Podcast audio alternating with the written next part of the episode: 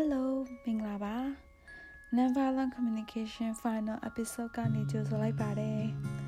ဒီနောက်ဆုံးပိုင်းလေးမှာတော့ NVC ကိုလက်တွေ့မှာကျင့်သုံးကြမယ်ဆိုလို့ရှိရင်အလုပ်ဖြစ်မလားဘာတွေကိုတွေးကြုံနိုင်လဲဆိုတာကိုသုံးသပ်ပြီးပြပြပေးတော့မှာဖြစ်ပါတယ်ပထမဆုံးအနေနဲ့ဟိုလူတွေတယောက်နဲ့တယောက်နေ့တိုင်းပေါင်းတင်ဆက်ဆံပြောဆိုတဲ့အခါမှာစကားပြောတာကိုပဲကြည့်ရမှာမဟုတ်ဘူးလေ body language ကိုလည်းကြည့်တယ်အာသူမျက်နှာပြက်နေလားသူချမ်းနေလားသူအေးနေလားသူပူနေလားအဲ့လိုမျိုးပေါ့နော်ပြီးတော့သူ energy ကိုကြည့်ရဲသူပျော်နေလားပေါ့သူစိတ်ညစ်နေလားအဲ့လိုမျိုးတွေလည်းကိုကကြည့်ရဲဆို NVC ကစကလုံးတွေကိုပဲအသုံးပြုတဲ့ communication style ဖြစ်တယ်ဖြစ်တဲ့အတွက်ကြောင့်မလို့ ကိုကဒီ non verbal communication လည်းကောင်းဖို့လိုပါတယ်။သဘောတဘာဝကိုခံစားချက်ကိုသိရတယ်။အိတ်ခံစားချက်နဲ့ communicate လုပ်ရတယ်။ဖော်ပြရတာဖြစ်တဲ့အတွက်ကြောင့်မလို့ကိုအကြောင်းကိုလည်းသိချသိဖို့လိုတယ်ပေါ့နော်။ self awareness ကောင်းဖို့လည်းလိုပါတယ်။ ဒီလို self awareness ကောင်းပြီးကိုဘာတွေခံစားနေရလဲဆိုတာကိုပြောပြရမယ်ဆိုလို့ရှိရင်လည်းကိုပြောပြဖို့ဒီစကားလုံးတွေကြွယ်ဝဖို့လည်းလိုပါတယ်အဲ့တော့ကိုသုံးတဲ့စကားကိုသုံးတဲ့ဘာသာစကားကိုကျွမ်းကျင်ဖို့လည်းလိုတာပေါ့နော်မြန်မာလိုပြောရင်မြန်မာလိုစကားလုံးအဲကောင်းကောင်းသုံးတတ်ဖို့လိုတယ်အင်္ဂလိပ်လိုပြောရင်အင်္ဂလိပ်လိုကောင်းကောင်းသုံးတတ်ဖို့လိုတယ်ဥပမာအမေရိကန်တယောက်နဲ့ပြောနေရဆိုလို့ရှိရင်သူပြောတဲ့စကားအင်္ဂလိပ်စကား အာသူ့ရဲ့ယဉ်ကျေးမှုကိုကောင်းသိဖို့လိုတယ်ဒါမှသူနားလည်အောင်ကိုလိုချင်တဲ့ရည်ရွယ်ချက်လည်းရအောင်ကောင်းကောင်း communicate လုပ်နိုင်မှာဖြစ်ပါတယ်ပြီးတော့ NVC ကိုသုံးတယ်ဆိုပြီးတော့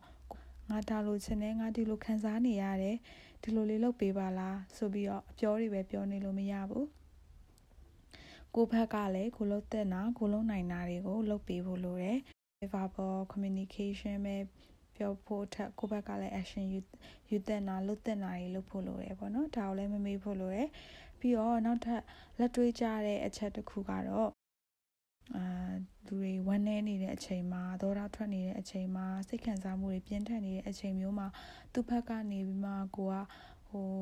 ပြပြဆုံးတဲ့ communication စကားလုံးစကားလုံးတွေစကားပြောပုံဆိုပုံတွေကိုမျှော်လင့်လို့မရပါဘူးဘာလို့လဲဆိုတော့သူကခံစားနေရတယ် သူ emotional ဖြစ်နေတဲ့အချိန်မှာပေါ့နော်အဲ့ဒါဆိုကိုကနားလည်ပေးဖို့လိုတယ်ပေါ့နော်လေးချလို့ရှိရင်လည်းအဲကိုရီးယားအကုန်လုံးလူတွေပဲဖြစ်တဲ့အတွက်ကြောင့်မလို့ကိုရီးမှာအမြဲတမ်း perfect မဖြစ်နိုင်ဘူးပြောမိဆိုမိရတယ်ရှိရဲ့အဲ့လိုမျိုးအချိန်တွေအချိန်ခါတွေကိုလည်းကြည့်ပြီးတော့နားလည်ပေးတဲ့နယ်ဆိုလို့ရှိရင်နားလည်ပေးဖို့လိုတယ်ပေါ့နော် civilized society မှာပို့ပြီးတော့ကောင်းမွန်တဲ့အဲ communication ဆက်ဆံရေးတွေလုပ်နိုင်ဖို့ပို့ပြီး efficient ဖြစ်တဲ့ အဲဆက်ဆံရေးတွေလုပ်နိုင်ဖို့အတွက်လုပ်ထားတဲ့အဲနီလန်းတစ်ခုပဲဖြစ်တယ်ဒီနီလန်းကိုနီလန်းတစ်ခုအနေနဲ့ပဲတွေးဖို့လိုတယ်အခြေအနေသူ့အခြေအနေနဲ့အချိန်အခါအတိုင်းသူ context အတိုင်းသူပတ်ဝန်းကျင်အတိုင်းကိုကတုံတက်ဖို့လိုရယ်ပေါ့နော်ဒီလိုတုံတက်ဖို့ကလည်းကိုကအမြဲတမ်းလေးလာပြီးတော့ကျင့်သုံးနေဖို့လိုရယ်ဒီခုပြောခဲ့တဲ့အကြောင်းအရာတွေကို attitude ရဲ့ NVC has its merits but be wary of the right way to verbally communicate ဆိုရဲဆောင်းပါးကနေပြီးတော့မြင်ညမ်းထားပါတယ်အဲဖတ်ချင်တယ်ဆိုလို့ရှိရင် link ကိုရေးထားပေးပါမယ် NVC episode 01ကနေပြီးတော့ဒီနောက်ဆုံးပိုင်းအထိ